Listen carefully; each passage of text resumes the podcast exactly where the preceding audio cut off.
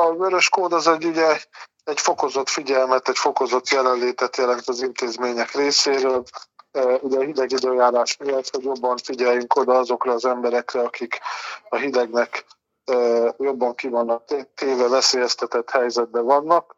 De igazából gyakorlatilag, hogyha nézzük nekünk az intézményi ellátás szervezését, a működésbe, ez ugye olyan tekintetben a hajléktalan ellátásnál nem jelent különbséget, hogy mi már november 1 óta e, a működésünket a téli időjárás, illetve a, e, az időjárás e, okozta esetleges nehézségeknek a kezelése céljából is szervezzük. Úgyhogy a vörös kód az egyéb szociális intézményeket is ugye érinti olyan tekintetben, hogy, hogy amennyiben olyan személlyel emberrel találkozunk, akinek a alapműködésben nem tudunk férőhelyet biztosítani, annak mindenképpen kell meredéket keresni ezekbe az időszakokba.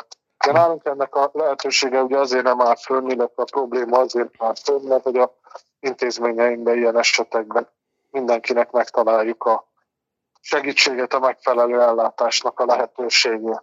Most ilyen helyzetek azok általában előfordulnak, de azért ezek nem ilyen direkt helyzetekről szólnak, hanem ugye általában a munkatársak azok csinálják azt, amit minden nap ebben az időszakban, minden időszakban, és igazából gyakorlatilag onnan tudjuk, hogy jól működünk, hogy nincs krízis helyzet, tehát nem mhm, alakul ki a helyzet, hogy valaki vel probléma lenne, vagy kihűlés a városba, tehát igazából az mutatja meg leginkább, hogy jól működünk. Amúgy a mindennapi ilyen munka ilyenkor, nem csak a vörös kód, ez azért novembertől kezdve, tehát a téli időszakban sokkal nehezebb az ellátásban, mert hogy ilyenkor megnő az ellátó szám az intézményekbe, ugye a intézményekben amúgy is sokan veszik igénybe a szolgáltatásokat, viszont ilyenkor ez még egy fokozott terhelés az intézményeknek.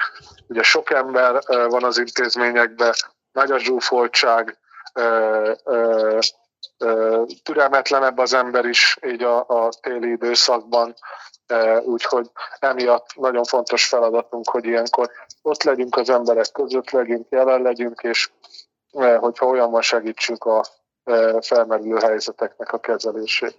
Három naponta van teajárat, és 40-50 ember az naponta megfordul a, a teajáraton, illetve igénybe vesz szolgáltatásokat. Hát az azt jelenti, hogy csak a teajáraton heti szinten olyan 140-150 találkozás van a kollégák részéről a rászorulók fele. Ugye ezek azok az emberek, akik az intézményi ellátásban nincsenek benne. Igen, okay. Nem jönnek be az intézményekbe, hanem nem lakásnak minősülő helyeken laknak, vagy akár a szabad éjjel éjszakáznak.